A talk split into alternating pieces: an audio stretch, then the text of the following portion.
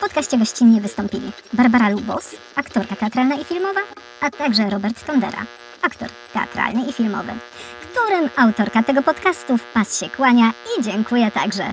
A jakże. Thank you very much. Ponadto w podcaście wykorzystano fragmenty utworów Gdzie jest Biały Węgorz, jaki wykonuje Cypis, Frolik w wykonaniu Luciano Michelini oraz muzykę pochodzącą z konsoli Nintendo Demi Channel Music. Udostępnienie odbyło się na mocy prawa cytatu, o którym mowa w artykule 29 ustawy o prawie autorskim. Stoczmy się dzisiaj, stoczmy się ciut. Zwitkaczmy się odrobinkę.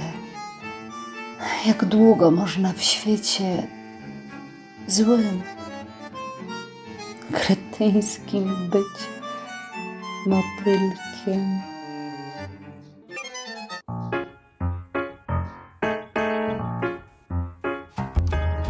Co oznaczają skróty NP i CO lub NP3, jaki Witkacy gryzmolił na swoich obrazach?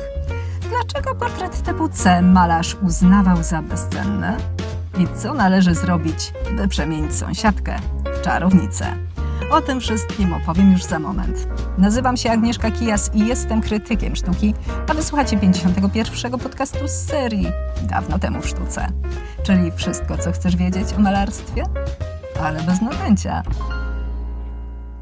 Dzień dobry wieczór, ponieważ standardowo nie mam pojęcia o jakiej godzinie słuchacie tego podcastu, ale wiem jedno. U mnie szafa gra. I to dosłownie, bo te malarskie opowieści nagrywam siedząc w mojej szafie.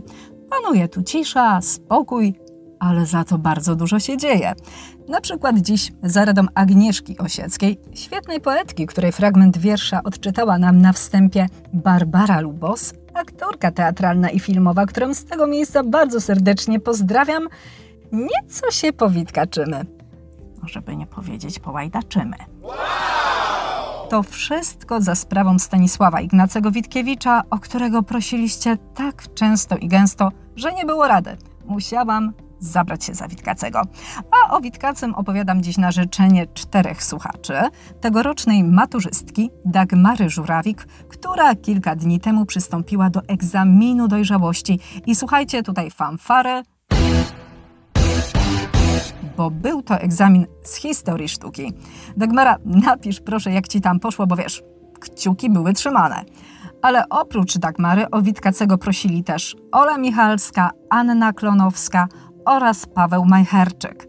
A żeby nieco Wam ubarwić ten podcast, zaprosiłam gościa specjalnego, który wystąpi w charakterze lektora. Tym gościem jest Robert Tondera, aktor teatralny i filmowy, obecnie związany z warszawskim Teatrem Rampa. Krótko mówiąc, wszystkie męskie cytaty w tym podcaście wypowiadane będą właśnie przez Roberta Tonderę. Dodam, że jest to aktor, którego no, pokochali dosłownie poeci. A o co z tym chodzi? No to już powiemy na końcu podcastu. A tymczasem, szanowni państwo, przed wami Witkacy a konkretnie Stanisław Ignacy Witkiewicz, który przybrał pseudonim Witkacy. A przybrał go, bo chciał odróżnić się od ojca, bądź co bądź także Stanisława Witkiewicza i na dokładkę także artystę, w dodatku piekielnie zdolnego artystę. Tym, czym się Stanisław Witkiewicz senior, że tak się wyrażę, wsławił i co sprawiło, że pokochali go górale miłością wprost z samiućkich Tater płynącą, był tak zwany styl zakopiański. Bo właśnie tam, w Zakopanem, co krok możecie natknąć się na wille, które właśnie tato Witkiewicz projektował. Ogólnie górale tatę Witkiewicza wielbili, był dla nich mega wielką postacią, takim artystą pełną gębą i mieli do niego szacunek. No, podczas gdy synalek, no cóż, z tym szacunkiem już niekoniecznie. Nawet była taka sytuacja, gdy Witkiewicz junior siedział w gospodzie, tam bradziarzył wespół ze swoją wesołą kompanią i wtedy podszedł do niego jeden z górali, spojrzał na niego tak spod byka i powiedział z twojego ojca to był baca, a z ciebie to już nic nie będzie. Od trudno się dziwić, że Witkacy miał kompleks ojca. Robił tak na dobrą sprawę wszystko, by się od ojca odróżnić, ale efekt był taki, że przez te jego dość ekscentryczne popisy ludzie brali go za wariata, takiego przygłupa, który pajacuje, co oczywiście było bardzo krzywdzące i Witkacy próbował to nawet dementować. Krążą o mnie plotki wyssane z wielkiego palca czyjejś brudnej nogi. Ale mało kto brał sobie te zapewnienia do serca, skoro chwilę po tej deklaracji Witkacy wkładał piżamę skrojoną z gazet i w takim gustownym wdzianku szedł na spacer po krupówkach. Z tą papierową piżamką wiąże się zresztą jeszcze jedna zabawna historia. Otóż, gdy jego przyjaciel Antoni Słonimski, swoją drogą naprawdę świetny poeta tamtych czasów, przyszedł do Witkacego z wizytą, no to on przyjął go właśnie w tej piżamie. Słonimski szybko się odnalazł w tej takiej, no, trudnej sytuacji, ale wszedł w rolę i po prostu udawał, że zupełnie nie zauważył tego przebrania. Pochwalił Witkacego, że zdrowo wygląda, zachwycał się też nowym obrazem, jaki stał na sztaludze i ogólnie prowadził taką luźną gadkę-szmatkę. O Warszawie, o teatrze, o tym, co słychać u znajomych, normalnie jak gdyby nigdy nic. Witkacy słuchał, słuchał, ale w środku w nim wzbierało. I gdy już odprowadzał gościa do wyjścia, nie wytrzymał. Odezwał się. Muszę ci powiedzieć, kochany Antoni, że masz dziwny sposób obcowania. I ta twoja dzisiejsza wizyta z tym wysilonym i przenudnym monologiem będzie miała swoje konsekwencje. Następnego dnia Słonimski dostał list, a w liście stało jak byk. Kochany Antoni, chcę cię powiadomić, że w dniu dzisiejszym przesunąłem cię na liście moich przyjaciół z miejsca trzeciego na miejsce trzydzieste czwarte. To były te konsekwencje. Innym razem zdarzyło się tak, że Witkacy zaprosił do mieszkania swojego znajomego, doktora Jana Kochanowskiego, tłum gości. Oczywiście nie powiadamiając o tym gospodarza. Kochanowski siedzi w domu i tam, dajmy na to, moczy sobie pięty w bali z wodą, a tu nagle rozlega się pukanie do drzwi. W progu stoją zupełnie obcy ludzie i mówią, że oni od Witkacego. Więc doktor nieco się zdziwił, ale wpuścił gości z nadzieją, że się wszystko wyjaśni, a za 10 minut znowu pukanie. I ta sytuacja powtórzyła się kilkukrotnie, skutkiem czego u doktorka zebrał się całkiem niezły tłumek. Początkowo Kochanowski starał się nawet ugościć przybyłych, lecz po czwartym czy piątym niespodziewanym zorientował się, że ktoś tu nieźle się z niego natrząsa. Za późno goście zdążyli już dobrać się do jego spiżarni, którą pięknie opróżnili. Poszli dopiero wtedy, gdy już wszystko zostało doszczętnie zjedzone i wypite, pozostawiając za sobą całkiem niezłe pobojowisko. Trzeba przyznać, że Kochanowski miał klasę. Zagryzł zęby, dotrwał do końca, wytrzymał to całe szaleństwo, ale po kilku dniach, gdy spotkał Witkacego, powiedział mu delikatnie, wiesz stary, nieco przesadziłeś. Więcej powiedzieć nie zdołał, bo Witkacy z miejsca się na niego obraził i zupełnie nie rozumiał, o co kolega ma do niego pretensje. Przecież ten tylko dbał o jego kontakty towarzyskie. Od co? Z kolei Witold Gombrowicz, kolejny wielki, wspaniały tamtych czasów, tak wspominał swoje pierwsze spotkanie z Witkiewiczem. Dzwonię. Otwierają się drzwi. W ciemnym przedpokoju potworny karzeł rośnie. To Witkacy otworzył drzwi w kucki i zwolna się podnosił. Cały Witkiewicz, no po prostu taki był z niego kawalarz. A skoro padło słowo kawalarz, może to oznaczać tylko jedno. Przyszła pora na słownik wyrazów wskrzeszonych. Niewtajemniczonym już wyjaśniam o co chodzi. Zasada jest prosta. Słów nie można dyskryminować ze względu na wiek. Dlatego tutaj wspólnie przywracamy do życia te wyrazy, które wypadły nieco z obiegu, a są przecież fajne i fajnie by było, gdyby wróciły do naszej potocznej mowy. Ja bardzo bym chciała, żebyśmy mówili do siebie na ulicy, dajmy na to serwus albo uszanowanie. I by tak się stało, wystarczy tych słów używać, więc teraz sobie trochę poużywamy na słowie frywolny. Bo ten wyraz padł w poprzednim, 50 odcinku, gdy opowiadałam Wam o tarasie kawiarni w nocy Van Gogha. I tu muszę wyróżnić jedną słuchaczkę, Agnieszkę Jaszczak, która nadesłała naprawdę bardzo dużo wyrazów. A oto jej propozycje. Fikuśny, filuterny, gałgański, No i mój ulubiony. krotochwilny, Słuchajcie, krotochwilne. Od siebie dorzucam jeszcze swawolnego, A na Wasze zgłoszenia czekam na fejsie. Tym razem wskrzeszamy. kawalarza. No bo niewątpliwie Witkacy takim kawalarzem był. Ale nie chciałabym, żebyście po wysłuchaniu tego podcastu odnieśli wrażenie, że z Witkacego był dziwak. Nie idźmy tą drogą. Witkacy nie był wariatem. On należał do elity intelektualnej naszego kraju. I powtórzę raz jeszcze, żeby to dobrze wybrzmiało. Elity intelektualnej. Znaczy co? Znaczy wbijam na Wikipedię hasło elita i czytam. Elita. Kategoria osób znajdujących się najwyżej w hierarchii społecznej. Najwyżej w hierarchii społecznej. Rozumiecie? Wyżej się nie da. I w dodatku jest to grupa, Pod jakimś względem wyróżnionych z ogółu społeczeństwa. a my mówimy tutaj o elicie intelektualnej, a więc to intelekt jest tym, co wyróżnia członków tej grupy na tle innych. A wiecie, co to jest intelekt? No pewnie wiecie, ale ja i tak to powiem. Intelekt. Całokształt wiedzy i zdolności umysłowych człowieka. Zatem ja się pytam, jaki wariat? Tak się jakoś parszywie utarło, że do artystów często podchodzimy z pobłażaniem. Na zasadzie, no, no, no artysta, no pożal się Boże artysta. Często kpi się z ich stylu życia, mówi się, że są to ludzie nadwrażliwi, tylko by pili, palili i się gizili, a na końcu jeszcze podcięliby sobie żyły. O! Jakie to jest słabe. To jest taki mega słaby stereotyp, że hej, Witkacy to był geniusz. On nie tylko malował, ale był też dramaturgiem, pisarzem, felietonistą, fotografem, filozofem.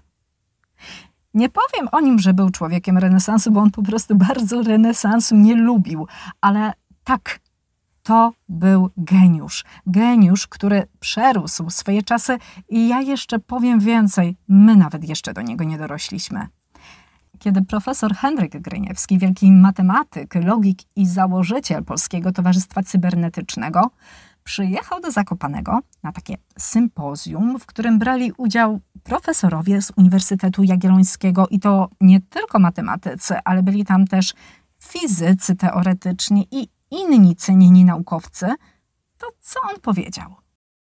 Najbardziej jednak interesował mnie w ciągu tych kilku tygodni Witkacy. Jego skrajnie udziwnione poglądy społeczne, jego dramaty, jego inteligencja i urok osobisty. W stosunkach z ludźmi bywał krańcowo drażliwy i nieraz dziwaczny, a jednak był wzorowo uprzejmy i bardzo dyskretnie serdeczny. W towarzystwie, nawet dość licznym Witkacy, jeżeli nie czuł się zagrożony, był czarujący i opowiadał w sposób barwny i ciekawy. Krótko mówiąc, tęga głowa. Nawet nie wyobrażacie sobie, ile bym dała za to, bym móc z nim usiąść przy szklaneczce zimnego piwa albo czegoś mocniejszego i by z nim porozmawiać, od tak normalnie, po prostu. Dlatego, kiedy układałam sobie w głowie plan tego, co chcę wam dzisiaj powiedzieć o Witkacym, wiedziałam jedno. Chcę dotrzeć jak najbliżej człowieka. Bo o jego biografii to wy sobie posłuchacie i poczytacie wszędzie. O tym, jak układała się jego relacja z ojcem, o tym, że nie chodził do szkoły, ile miał lat, gdy napisał pierwszy dramat. Tam to wszystko będzie i to będzie powtarzane jak mantra. Ale nie tu. Tu. Tu ma być prawdziwy Witkacy. No, okej, brzmi pięknie, ale jak to zrobić, skoro artysty nie ma wśród nas, a ci, co go znali, już z tego padołu odeszli. No jest pewien sposób. Na szczęście my, jako ludzie, mamy taką cechę, że bardzo lubimy snuć opowieści. I snujemy je przy różnych okazjach, na przykład przy rodzinnym stole. Ten coś powie, tamten coś powie i nagle okazuje się, że wśród naszych bliskich są osoby, które pamiętają, jak to Witkacy babcie malował. Albo sąsiadkę. I teraz uwaga, bo będzie smaczek. Smaczek, którego nigdzie indziej nie znajdziecie. Otóż, kiedy powiedziałam mojej przyjaciółce, Sławie Sibidze, która, no powiedzmy, jest dyczko ode mnie starsza, że będę nagrywać podcast o Witkacym, zapaliły się jej oczy i zawołała: Ej, on malował moją sąsiadkę. Zresztą, niech wam o tym opowie sama. To był czas, byłam młodą dziewczyną i miałam przewspaniałą sąsiadkę, żonę przedwojennego oficera. W jej mieszkaniu ściany były w obrazach od sufitu do podłogi. Ale najbardziej zainteresowały i zatrzymały mnie dwa portrety. Te portrety namalował sam Witkacy w tym samym czasie. Na jednym była taka przecudowna, z odrobiną szaleństwa nawet w tym oku. Drugi obraz a, był taki spokojny, jakiś wymuskany, szary. Nie pamiętam już, jak pani Ania znalazła się w pracowni malarza. Być może mi opowiadała i mówi: Niech pani zobaczy, który portret się pani bardziej podoba. I ja mówię: No ten. A ona: A widzi pani, co tam jest napisane? Więc ja się przyglądam. Ale niżej, niżej, niech pani dokładnie się przyjrzy. Tam jest napisane pod narkotykiem. Tak, ten portret był namalowany pod narkotykiem.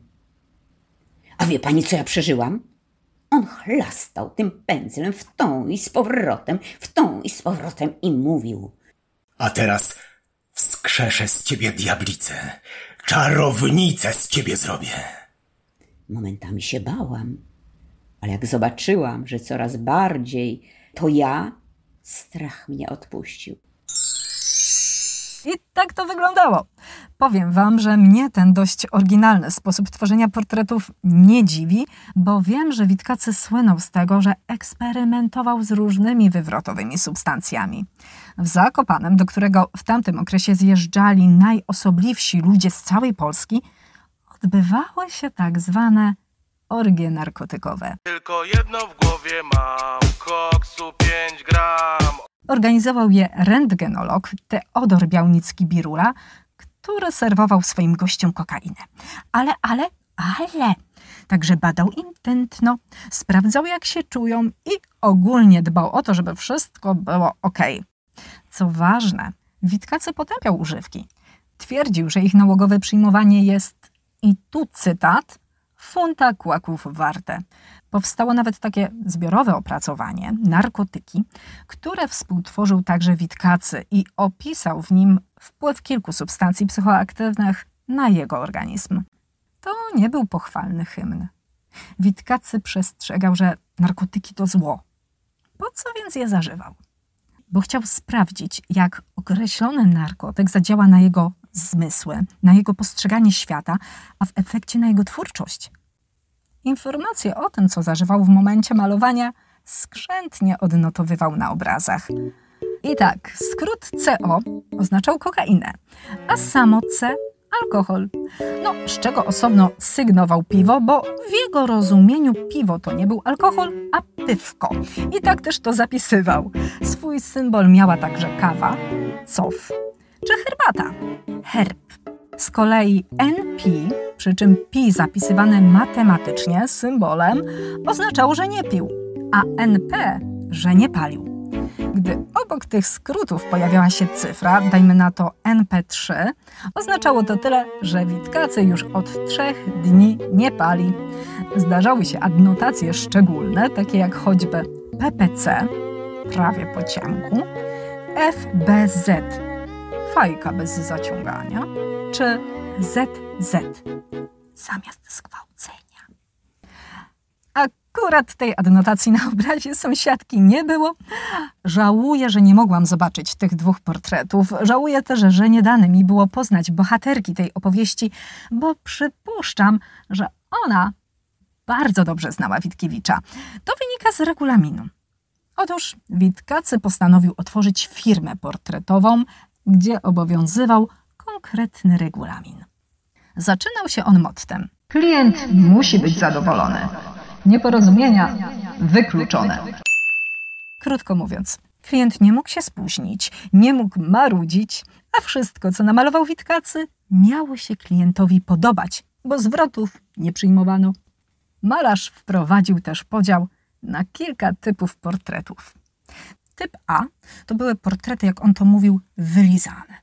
No, taki Photoshop, bo choć podobieństwo oczywiście było zachowane, to jednak chodziło tu w gruncie rzeczy o upiększenie. Witkacy pozostawił sobie tutaj pewne pole manewru do szaleństwa w tle. Ono, dajmy na to, mogło przemienić się w egzotyczną dżunglę, tak jak ma to miejsce w wypadku portretu, na którym namalował swoją żonę Ninę. Tu taka mała dygresja. Ten i inne obrazy, o których dzisiaj opowiadam, wrzucę za kilka dni na Face'a, będzie też to na Insta, zatem spokojnie, wszystko znajdziecie sobie w jednym miejscu na dawno temu w sztuce. W każdym razie te portrety typu A były najdroższe. One kosztowały 350 zł, a w tamtych czasach tyle wynosiła miesięczna pensja. Z kolei typ B to był typ realistyczny, gdzie pewne wady modela były lekko podkreślane. Coś na granicy karykatury. On był tańszy i chodził za 250 zeta. Za to portretów typu C nie można było kupić. Witkacy określał je jako bezcenne. Wykonywał je dla swoich przyjaciół, najczęściej będąc pod wpływem narkotyków. Koksu 5 gram Zatem, skoro nasza sąsiadka miała portret typu C, no to musiała brać ona udział w jakiejś narkotykowej orgii. No po prostu nie ma siły. Regulamin przewidywał też portret typu D, który udawał bezcenny typ C, ale nim nie był, bo był tworzony na trzeźwo. Witkace wycenił go ledwie na stówkę. Kolejny typ, typ E, zakładał, i tutaj cytat, dowolną interpretację psychologiczną według intencji firmy. A mówiąc wprost, artysta w tym stylu malował dziewczyny, które mu się podobały. I duchy. Bo razu pewnego, spacerując po warszawskim Nowym Świecie, Witkacy zobaczył ducha. Na wprost niego szła jego zmarła narzeczona z dawnych lat, Jadwiga Janczewska. Historia tej miłości jest tragiczna, ponieważ Jadwiga popełniła samobójstwo, no, za co Witkacy nieźle się obwiniał. Dziewczyna najpewniej była w ciąży, a on tego dziecka nie chciał. Długo nie mógł sobie tego darować, długo nie mógł dojść do siebie i nawet próbował seansów spirytystycznych, w czasie których ponoć wywoływano jej zjawę. I nagle, po 20 latach, wśród tłumu na ulicy, widzi Jadwigę. Co prawda ubraną w modne fatałaszki i uczesaną też tak bardziej nowocześnie, no ale jednak to ona, jak żywa. No nie mógł minąć jej bez słowa. Oczywiście szybko okazało się, że to nie był żaden duch, tylko Eugenia Wyszomirska z domu Sikora, dziś znana jako asymetryczna dama. Do Warszawy przyjechała z wizytą i tego dnia, kiedy spacerowała sobie wraz z ciotką po Nowym Świecie, Witkacy na nią napadł. Naskoczył tak. Z miejsca zaprosił ją do swojej pracowni i zaproponował, że namaluje jej portret. Eugenia była mocno zaskoczona, bo to było dziwne. Podchodzi do niej obcy facet, gdzieś ją tam zaprasza w ustronne miejsce. Musicie przyznać, że nawet gdzieś brzmi to dosyć dwuznacznie. Na szczęście ciotka Eugenii, warszawianka, rozpoznała, że to Stanisław Ignacy Witkiewicz, znany artysta, malarz, a nie jakiś tam parszywy, pierwszy, lepszy łotr. Tak to się zaczęło. I muszę Wam powiedzieć, że ten wątek poruszyłam dziś głównie za sprawą pani Doroty Sikory, która odpowiedziała na mój facebookowo-instagramowy apel, w którym prosiłam Was o to, byście popytali w rodzinie, czy ktoś z Waszych krewnych nie znał aby Witkacego. Ale nigdy bym nie przypuszczała, naprawdę nigdy bym nie przypuszczała, że skontaktuje się ze mną krewna asymetrycznej damy. I teraz przytoczę Wam fragment listu, jaki otrzymałam od pani Doroty. Asymetryczna była cioteczną kuzynką mojego dziadka od strony ojca, Antoniego Sikory. Ale jest to dla nas od niedawna dopiero pewnik. Cała historia oparta była najpierw na legendzie rodzinnej, którą opowiadała nam mama. Że była ciotka, która spotykała się ze znanym malarzem. Żadnych dodatkowych szczegółów. Ponadto faktycznie mieliśmy rodzinę, która onegdaj mieszkała w Warszawie, a Eugenia poznała Witkacego podczas odwiedzin u swojej ciotki z Warszawy. Z tego, co zrozumiałam z dalszej części listu, brat pani Doroty, Michał Sikora, mocno zaangażował się w poszukiwanie genealogiczne. Pani Doroto, bardzo serdecznie Panią pozdrawiam. Panie Michale, Pana również. Dziękuję za te wszystkie informacje, jakie do mnie przesłaliście, za zdjęcia. Szerzej opiszę ten wątek w jednym z moich felietonów, a tu powiem tylko, że po mozolnej pracy pana Michała Sikory faktycznie udało się ustalić, że cioteczna kuzynka pani Doroty i pana Michała, Eugenia, była tą słynną modelką Witkacego. A artysta wybrał ją na muzę nie tylko za sprawą podobieństwa do Jadwigi. Fascynowały go jej nieregularne rysy twarzy. Jedno oko wyżej, drugie oko niżej, jedno większe, drugie ciut mniejsze. Owal twarzy tak lekko przekrzywiony, usta jakby trochę na ukos i dlatego nazwał ją, La dame asymétrique. czyli asymetryczną damą. Jadwiga wyjechała nawet z Witkacem do Zakopanego, gdzie malarz wielokrotnie ją portretował, a także zapraszał ją na spotkania, na które normalnie nie miałaby wstępu. Ona nie dostałaby się do takich kręgów bez jego protekcji. Z czasem ich drogi rozeszły się. Potem wybuchła wojna, a finalnie Witkacy popełnił samobójstwo. Asymetryczna dama wróciła na Górny Śląsk, do Katowic, a wraz z nią portrety. Łącznie było ich bodajże przeszło sto, ale część Eugenia sprzedała w trakcie wojny. Przypuszczalnie te, które jej się nie podobały, zniszczyła. One były zbyt awangardowe, zatem kolekcja uszczupliła się. Ale kiedy już się wszystko uspokoiło, kiedy było już po wojnie, asymetryczna wywiesiła portrety w swoim mieszkaniu i chętnie zapraszała gości, by podziwiali, jak ją pięknie Witkacy odmalował. Miała też u siebie jeden autoportret malarza, bo wymieniła się z innym kolekcjonerem. Eugenii bardzo zależało na tym, żeby ta resztka obrazów nie była po jej śmierci rozproszona. Tak powstał testament, na mocy którego kolekcja została przekazana miastu Katowice. No, nie cała, bo ostatecznie Katowice otrzymały 26 portretów asymetrycznej damy, no i ten jeden autoportret Witkacego. Dzięki temu darowi udało się powołać do życia Muzeum Historii Katowic. Te obrazy przechowywane są tam po dziś dzień. No, niestety można je oglądać tylko od wielkiego dzwonu, ponieważ te portrety zostały wykonane jako pastele. Są one bardzo czułe, na przykład na różnice temperatur, na wilgotność, na inne czynniki zewnętrzne. No, dlatego nie ma szans, by wisiały one na stałej wystawie. Ale ponieważ mieszkam w Tychach, czyli dosłownie rzut beretem od Katowic, to pomyślałam sobie, że się tam wybiorę i zobaczymy, może uda mi się wpłynąć na dyrekcję i wpuszczą mnie do tych swoich tajemnych pomieszczeń, gdzie przetrzymywana jest asymetryczna. Może mi się uda zobaczyć te obrazy.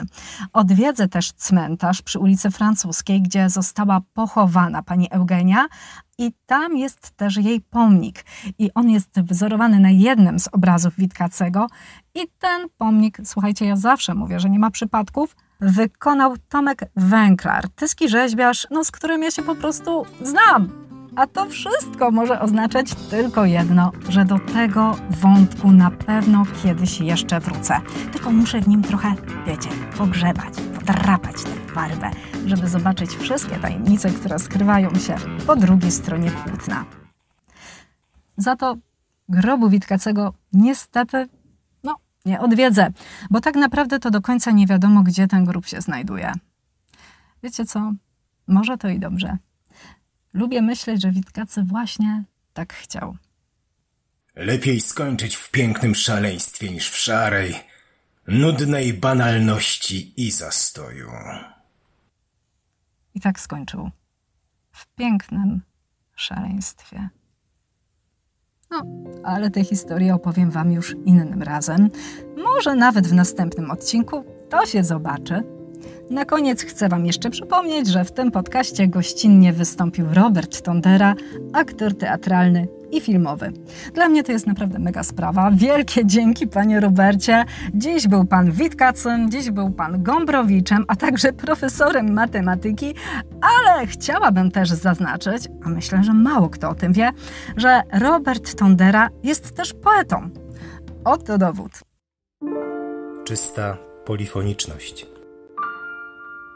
Nie potrafię przeniknąć wzrokiem strony zapisanej cieniem dni. Nie rozróżniam brzmienia kropel deszczu zasuszonych w zielniku. Nie poznaję dróg wątpliwych, które wciąż się nasuwają. Przesuwam palec po szorstkim grzbiecie podręcznika bez tytułu. Tajemnicą jest świat niewidoczny okiem sprawiedliwym, kryje myśli w wersach niewyrosłych jeszcze. Bez woźnicy steruje rzeką słów zaprzężoną w ogień. Jestem tkaczem cudzych dusz i witkacem własnej.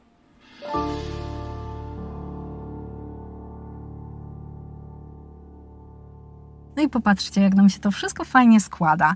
A jeżeli wpiszecie sobie Robert Tondera na YouTubie, to będziecie mogli więcej takich super interpretacji posłuchać, bo pan Robert prowadzi kanał, na którym co czwartek prezentuje wiersze współczesnych poetów. I to zarówno tych z dorobkiem, jak i totalnych amatorów. W dodatku całkiem niedawno ukazała się pierwsza część antologii, a jej tytuł to Czytam Wasze wiersze. I jest to antologia złożona z wierszy nadesłanych przez poetów z całego kraju właśnie do pana Roberta. Wiem też, że całkiem niedawno zakończyły się prace nad tomem drugim, pewnie niebawem już będzie w sprzedaży.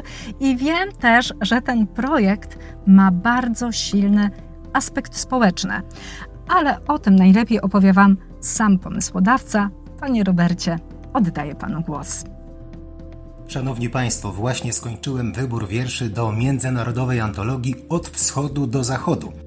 Lista autorów zostanie wkrótce opublikowana na Facebooku Ogrodowe Czytania Czwartkowe oraz Kreatorzy Kultury i stronie www.czytamwaszewiersze.wixit.com.robert Tondera.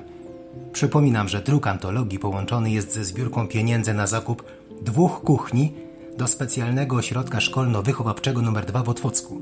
W szkole tej zawodu kucharza uczą się dzieci autystyczne, głuche i niedosłyszące.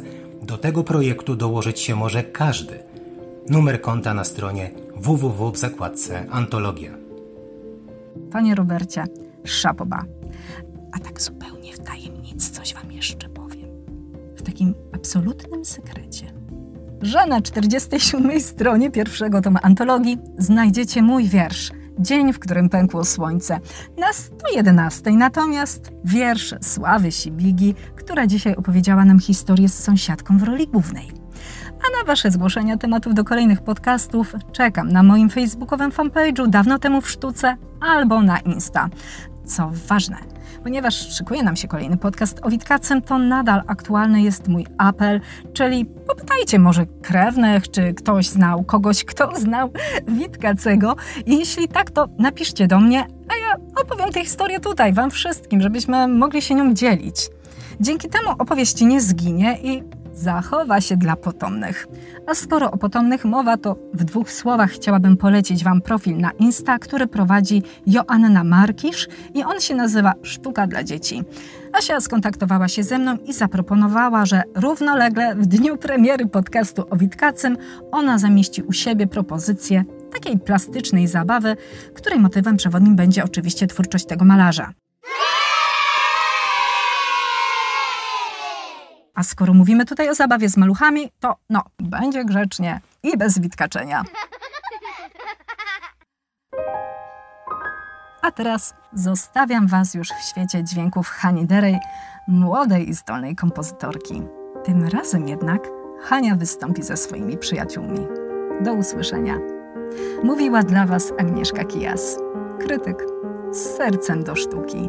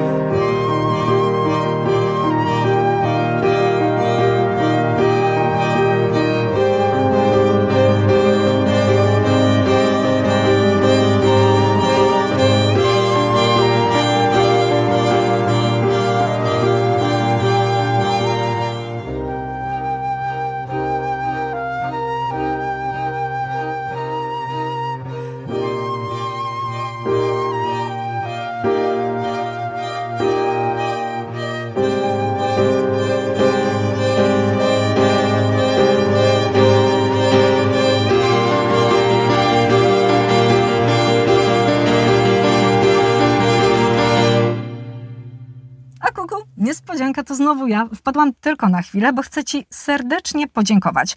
Podziękować za to, że dotrwałeś do samego końca.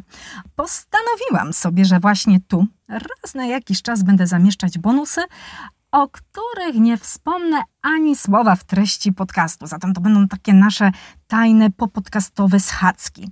I dziś w formie takiego dodatku specjalnego przeczytam fragment alfabetu wspomnień Antoniego Słonimskiego. I w tym alfabecie pisze on o Witkacym tak.